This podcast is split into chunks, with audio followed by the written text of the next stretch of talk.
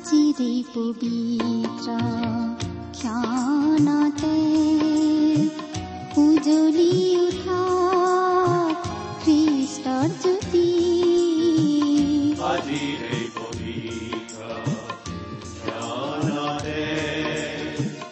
উজলি উঠা খ্ৰীষ্টৰ জ্যোতি আকাশ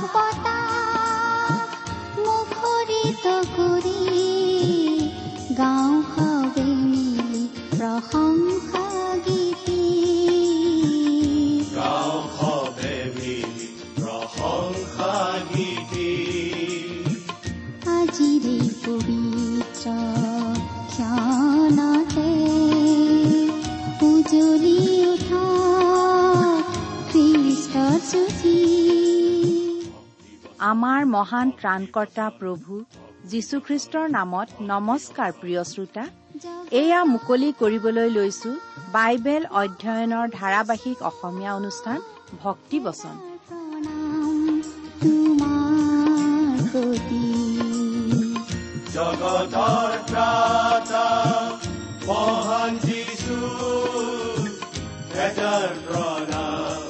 তোমাৰ গ্ৰহণ কৰাই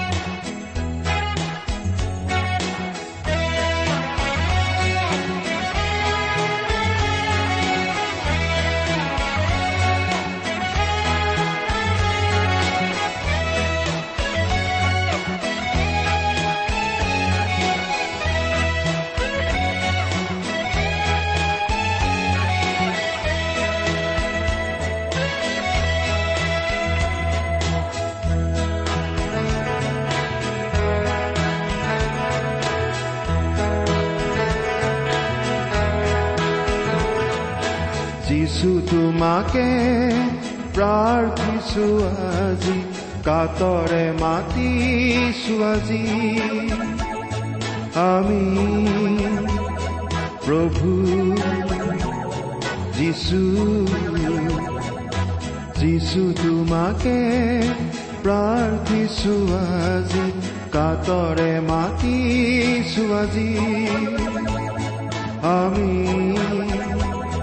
প্ৰভু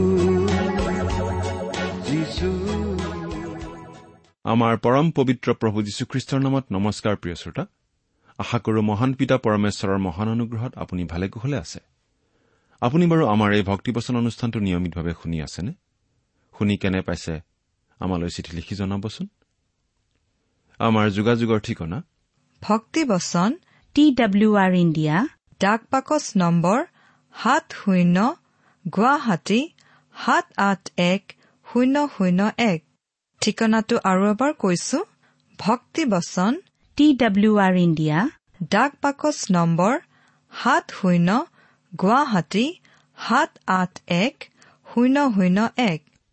আহকচোন আজিৰ বাইবেল অধ্যয়ন আৰম্ভ কৰাৰ আগতে খন্তেক প্ৰাৰ্থনাত মূৰ দুৱাওঁ। স্বৰ্গত থকা অসীম দয়ালু পিতৃ ঈশ্বৰ তোমাৰ মহান নামৰ ধন্যবাদ কৰো। তুমি সৰ্বশক্তিমান সৰ্বব্যাপী সৰ্বজ্ঞানী ঈশ্বৰ হৈও আমাৰ দৰে ক্ষুদ্ৰ মানৱক যে ইমান প্ৰেম কৰা সেই কথা ভাবিলেই আচৰিত হওঁ। তুমি আমাক ইমানেই প্ৰেম কৰিলা যে আমাক পৰিত্ৰাণ দিবলৈ তুমি তোমাৰ একেজাত পুত্ৰ যীশুখ্ৰীষ্টকেই আমালৈ দান কৰিলা। তেওঁ ক্ৰুচত নিজৰ পবিত্ৰ তেজেৰে আমাৰ পাপৰ প্ৰাচিত্য কৰিলে। আজি তেওঁত বিশ্বাস কৰি আমি অনন্ত জীৱন লাভ কৰি তোমাক পিতৃ বুলি মাতিব পৰা হৈছো। তাৰ বাবে তোমাক অশেষ ধন্যবাদ পিতা। এতিয়া আমি তোমাৰ মহান বাক্য বাইবেল শাস্ত্ৰ অধ্যয়ন কৰিবলৈ ওলাইছো প্ৰাৰ্থনা কৰিছো তোমাৰ বাক্য তুমিয়েই আমাক বুজাই দিয়া। এই অনুষ্ঠান শুনি থকা আমাৰ মৰমৰ শ্ৰোতাসকলক তুমি উপচি পৰাকৈ আশীৰ্বাদ কৰা। কিয়নো এই প্ৰাৰ্থনা আমাৰ মহান ত্ৰাণকৰ্তা মৃত্যুঞ্জয় প্ৰভু যীশুখ্ৰীষ্টৰ নামত আগবঢ়াইছো।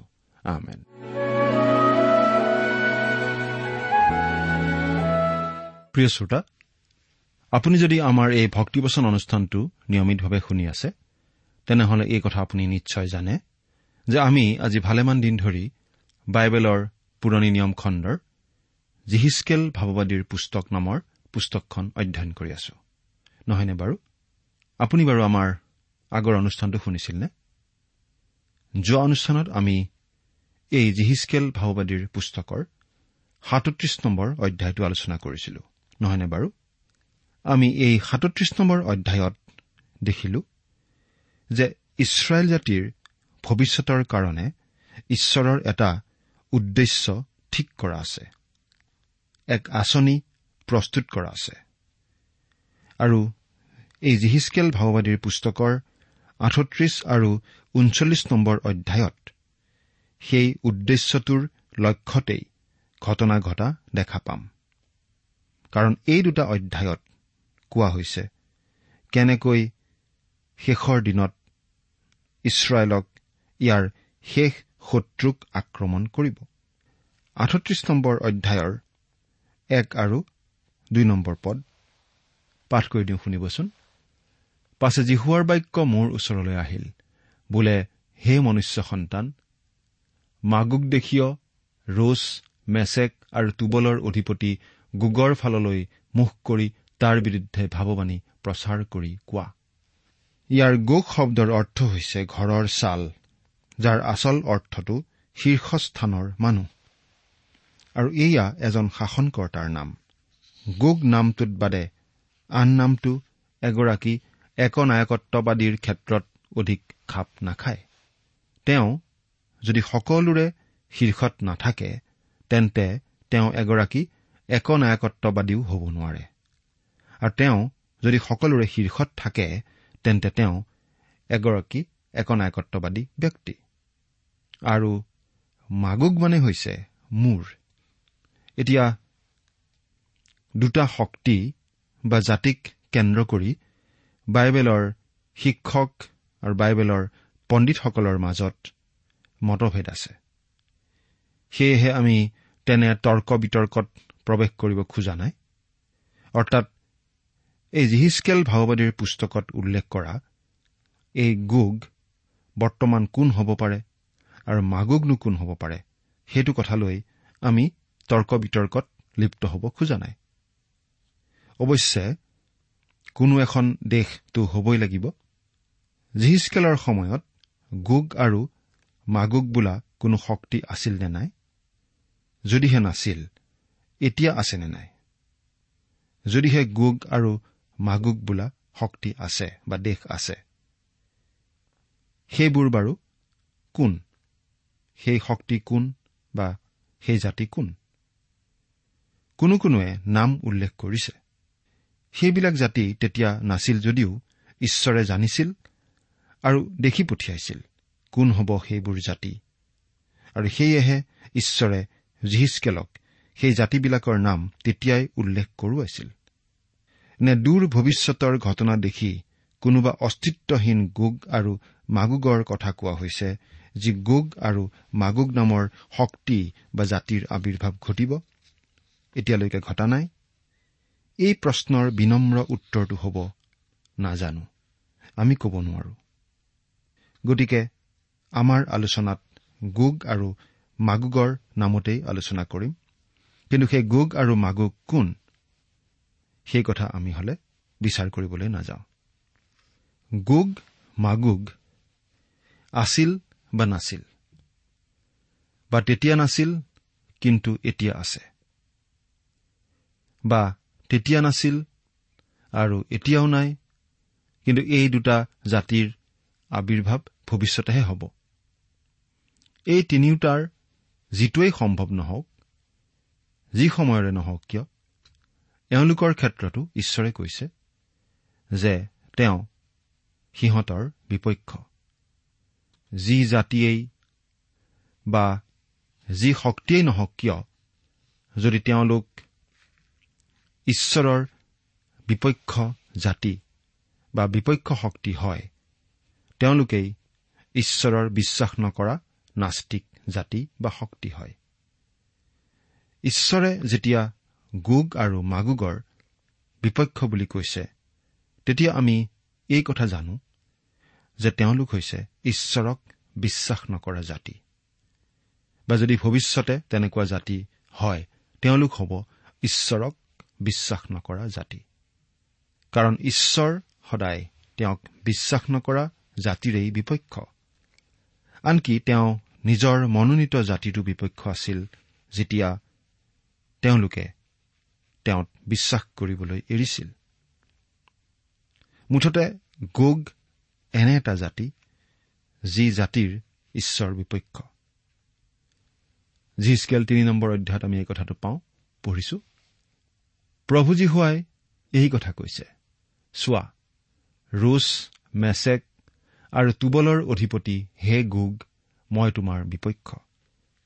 এই আঠত্ৰিশ নম্বৰ অধ্যায়ত আমি পাওঁ যে অন্তিম কালত গোগ নামৰ জাতি বা শক্তিটোৱে ইছৰাইলক আক্ৰমণ কৰিব আৰু পাছত সেই জাতিৰ নিজৰেই বিনাশ ঘটিব।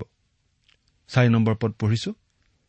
মই তোমাক ওলোটাম আৰু তোমাৰ জামুদাঁতৰ গুৰিত হাঁকোটা লগাই তোমাক আৰু তোমাৰ ঘোঁৰা আৰু অশ্বাৰোহী আদি আটাই সৈন্য সামন্তকে উলিয়াম। সিহঁত আটাইবোৰ সুসজ্জিত ফৰ আৰু ঢাল ধৰা মহাদল। সিহঁত আটাইবোৰ তৰোৱালধাৰী।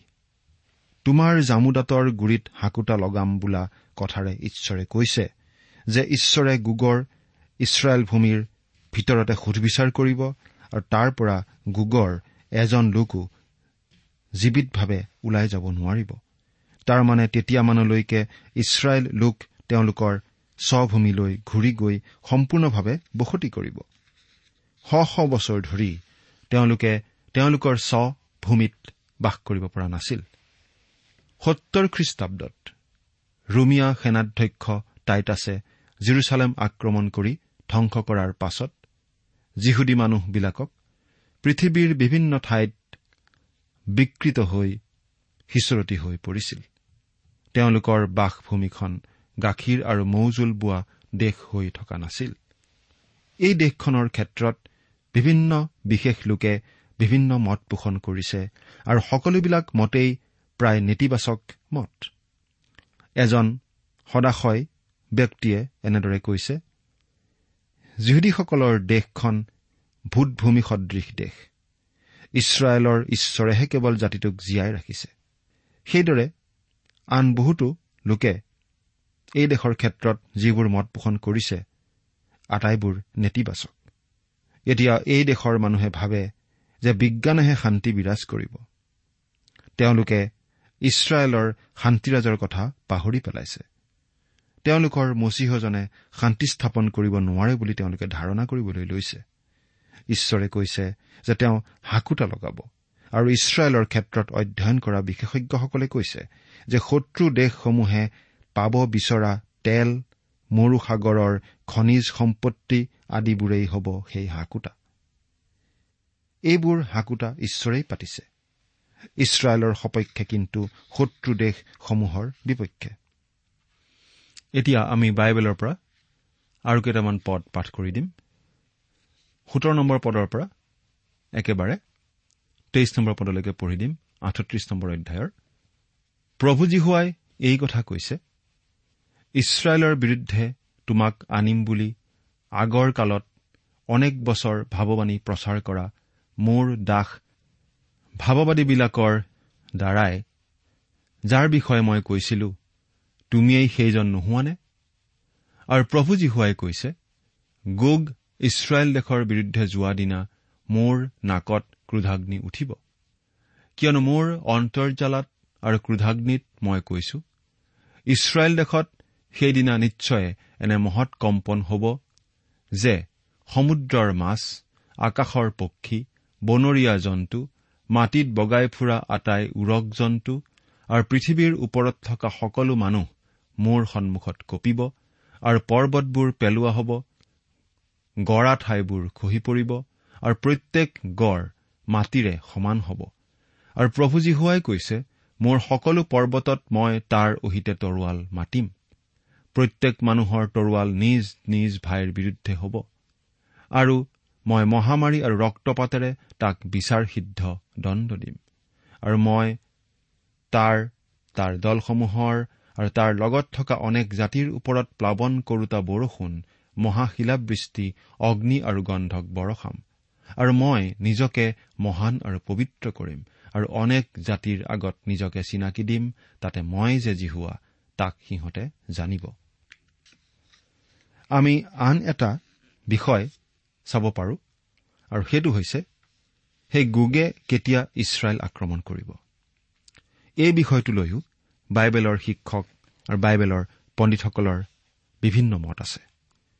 আমি সেইবোৰ তৰ্কতো প্ৰৱেশ কৰিব খোজা নাই।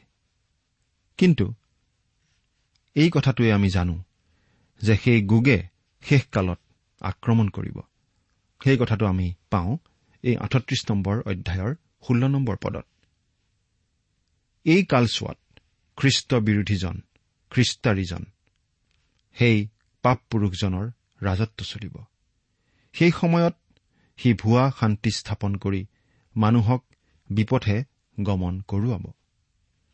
সেই সময়ত কেৱল ঈশ্বৰ জীহুৱাহে ইছৰাইলৰ সহায়ৰ উৎসৰূপে ৰবগৈ। যুদ্ধ বিগ্ৰহ আৰম্ভ হ'ব। মহাক্লেশৰ আৰম্ভণ হ'ব। এটা সোধ বিচাৰৰ পাছত আনটো সোধ বিচাৰ হ'ব। ভীষণ যুদ্ধ বিগ্ৰহ অব্যাহত থাকিব। সেই দিনৰ সংখ্যা কম কৰা নহলে মনুষ্য প্ৰাণী জীয়াই নাথাকিলেহেঁতেন বুলি প্ৰভুৱে এই কালৰ কথাকেই কৈছে। মুঠিয়ে লিখা শুভবাৰ্তা চৌব্বিছ নম্বৰ অধ্যায়ৰ বাইশ নম্বৰ পদত। তাৰ পাছত এতিয়া আমি চাওঁ হওক। ঊনচল্লিছ নম্বৰ অধ্যায়ৰ পৰা গোগে ইছৰাইল আক্ৰমণ কৰাৰ ফলাফল কি আছিল সেই কথা। আমি পাঠ কৰি দিওঁ। ঊনচল্লিছ নম্বৰ অধ্যায়ৰ প্ৰথম দহটা পদ পাঠ কৰি দিম। আৰু হে মনুষ্য সন্তান তুমি গোগৰ বিৰুদ্ধে ভাৱবাণী প্ৰচাৰ কৰি কোৱা। প্ৰভুজী হোৱাই এইদৰে কৈছে ৰোচ মেচেক আৰু তুবলৰ অধিপতি হে গোগ চোৱা মই তোমাৰ বিপক্ষ আৰু মই তোমাক ওলোটাম। তোমাক চলাই লৈ আহিম আৰু উত্তৰৰ অন্তভাগৰ পৰা তোমাক উলিয়াই ইছৰাইলৰ পৰ্বতবোৰৰ ওপৰলৈ তোমাক আনিম আৰু মই প্ৰহাৰ কৰি তোমাৰ ধনু তোমাৰ বাওঁহাতৰ পৰা পেলাই দিম আৰু তোমাৰ সোঁহাতৰ পৰা তোমাৰ কাঁড়বোৰ পৰি যোৱা কৰিম। তুমি ইছৰাইলৰ পৰ্বতবোৰৰ ওপৰত তোমাৰ আটাই দলসমূহ আৰু তোমাৰ লগত থকা জাতিবিলাকে সৈতে পৰি থাকিবা। তোমাক খাবলৈ মই সকলোবিধৰ হিংসক পক্ষী আৰু বনৰীয়া জন্তুক তোমাক দিম। প্ৰভুজী হোৱাই কৈছে তুমি মুকলি পথাৰত পৰি থাকিবা কাৰণ ময়েই ইয়াক কলো। আৰু মই মাগুগৰ মাজলৈ আৰু দ্বীপবোৰত নিৰাপদে বাস কৰাবোৰৰ মাজলৈ অগ্নি পঠাম। তাতে মই যে জিহুৱা তাক সিহঁতে জানিব। আৰু মই মোৰ পবিত্ৰ নাম মোৰ প্ৰজা ইছৰাইলৰ মাজত জনাম আৰু মোৰ পবিত্ৰ নাম অপবিত্ৰীকৃত হবলৈ আৰু নিদিম। তাতে মই যে জিহুৱা ইছৰাইলৰ পবিত্ৰ জনা তাক জাতিবিলাকে জানিব।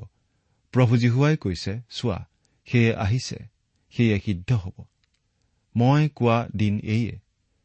সেই সময়ত ইছৰাইলৰ নগৰ নিবাসীবিলাকে ওলাই গৈ ফৰ আৰু ঢাল ধনু আৰু কাঁড় হাতৰ লাঠি আৰু জাঠি আদি অস্ত্ৰবোৰ খৰি কৰি পুৰিব।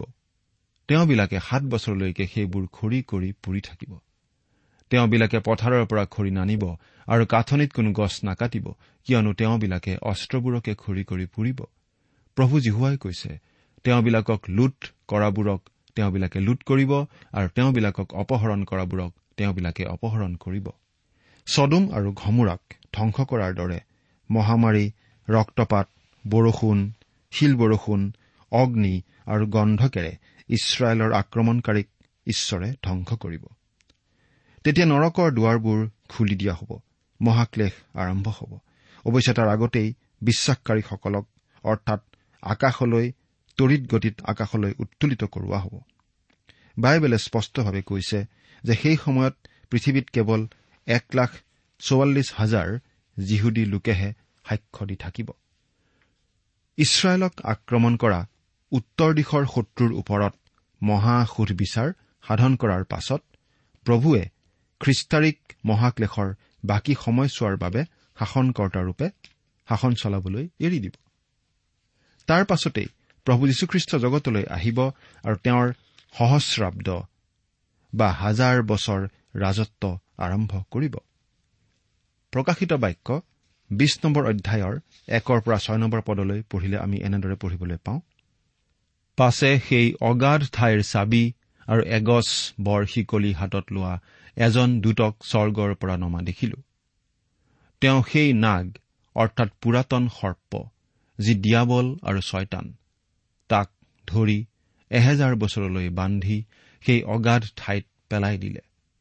আৰু সেই এহেজাৰ বছৰ পূৰ নহয় মানে সি যেন জাতিবিলাকক ভুলাব নোৱাৰে এইকাৰণে মুখ বন্ধ কৰি তাৰ ওপৰত চাব মাৰিলে।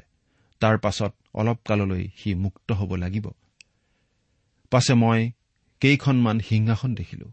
সেইবোৰৰ ওপৰত যিবিলাক বহিল তেওঁবিলাকক সুধবিচাৰৰ ভাৰ দিয়া হল। আৰু যীশুৰ সাক্ষৰ কাৰণে আৰু ঈশ্বৰৰ বাক্যৰ কাৰণে যিবিলাকৰ মূৰ ছেদন কৰা হৈছিল আৰু যিবিলাকে সেই পশু বা তাৰ প্ৰতিমূৰ্তিকে প্ৰণিপাত নকৰিলে আৰু নিজৰ কপালত আৰু হাতত তাৰ চাপ লোৱা নাই তেওঁবিলাকৰ জীৱাত্মা দেখিলো। তেওঁবিলাক জিলে আৰু এহেজাৰ বছৰ খ্ৰীষ্টে সৈতে ৰাজত্ব কৰিলে। সেই হাজাৰ বছৰ পূৰ নহয় মানে মৃতবিলাকৰ অৱশিষ্ট লোক নিজিলে। এয়ে প্ৰথম পুনৰুত্থান। যিকোনো এই প্ৰথম উত্থানৰ ভাগি হয় তেওঁ ধন্য আৰু পবিত্ৰ। তেওঁবিলাকৰ ওপৰত দ্বিতীয় মৃত্যুৰ কোনো ক্ষমতা নাই। কিন্তু তেওঁবিলাক ঈশ্বৰৰ আৰু খ্ৰীষ্টৰ পুৰোহিত হৈ তেওঁৱে সৈতে এহেজাৰ বছৰ ৰাজত্ব কৰিব। প্ৰকাশিত বাক্য বিশ নম্বৰ অধ্যায়ৰ একৰ পৰা ছয় নম্বৰ পদ। প্ৰিয় শ্ৰোতা জিহিচকেল ভাৱবাদীয়ে ইছৰাইলৰ শেষকালৰ সেই গৌৰৱ তেওঁৰ দৰ্শনত দেখা পাইছিল।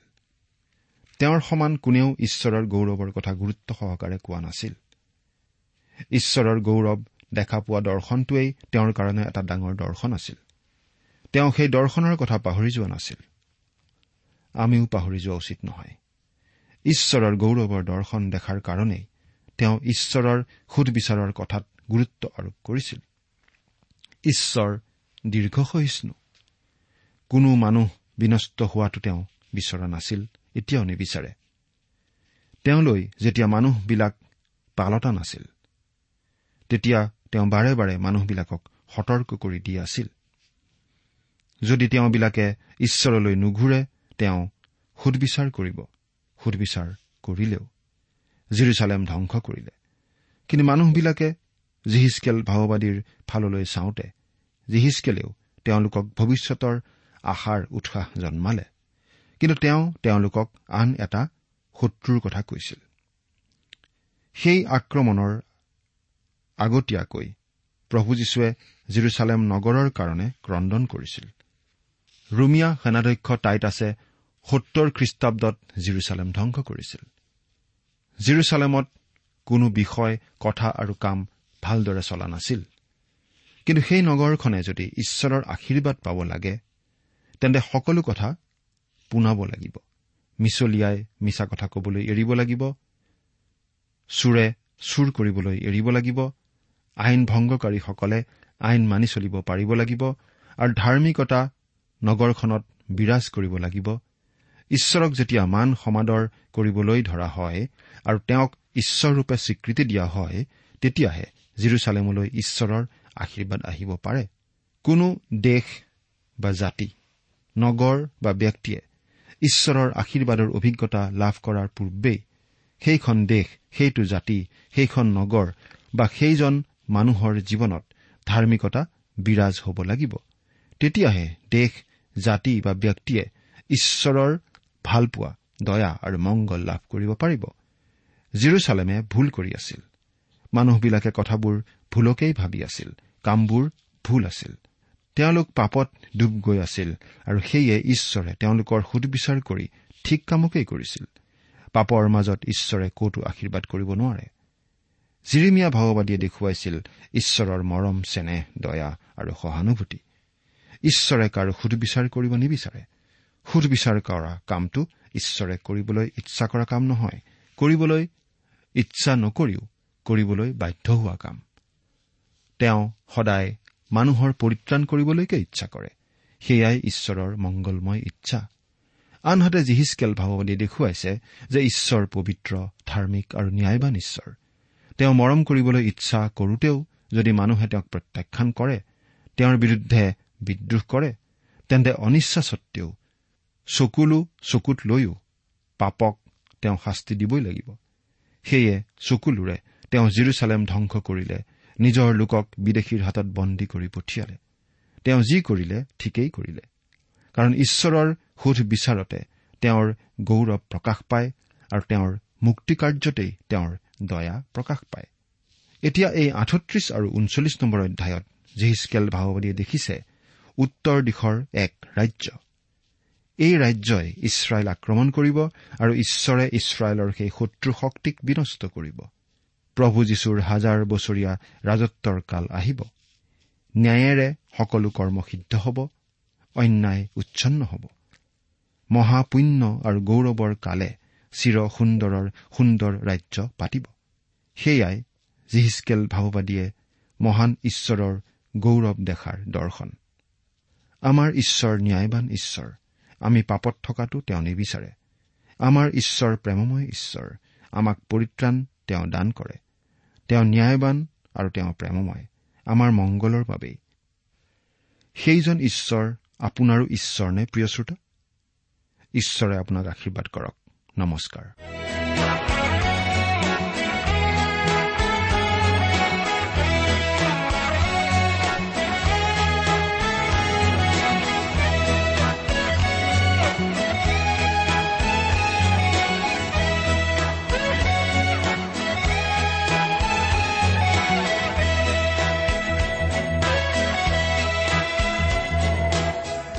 সৃজিছিলা যোন তৰা ইয়াৰ কাষলে মোৰ।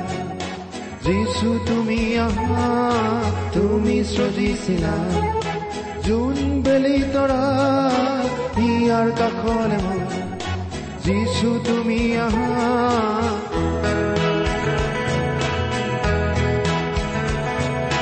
যিছু তোমাকে প্ৰাৰ্থিছো আজি কাতৰে মাতিছো আজি আমি প্ৰভু যিছু ইমান পৰে আপুনি ভক্তিবচন অনুষ্ঠানটি শুনিলে। অনুষ্ঠানটি শুনি কেনে পালে আমালৈ চিঠি লিখি জনাবচোন? অনুষ্ঠানত প্ৰচাৰ কৰা কোনো কথা বুজিব লগা থাকিলেও আমালৈ লিখক। আমাৰ ঠিকনা ভক্তিবচন টি ডাব্লিউ আৰ ইণ্ডিয়া।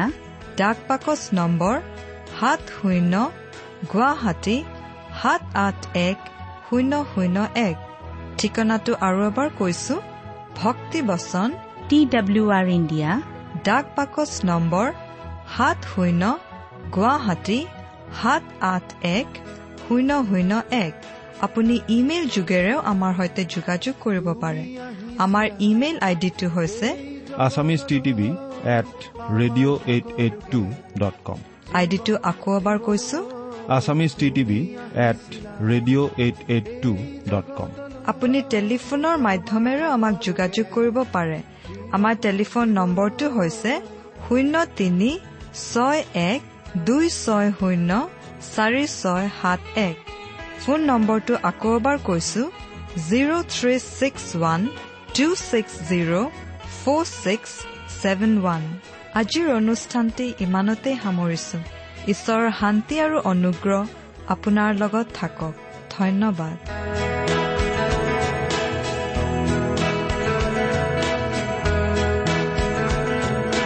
তোমাৰ প্ৰেমৰ কথা বৰ্ণাই নপৰেও হোৱা দিছো তুমি চিৰ দিনে মোৰ তোমাৰ প্ৰেমৰ কথা বৰ্ণাই নপৰেও হোৱা দিছো তুমি চিৰ দিনে মোৰ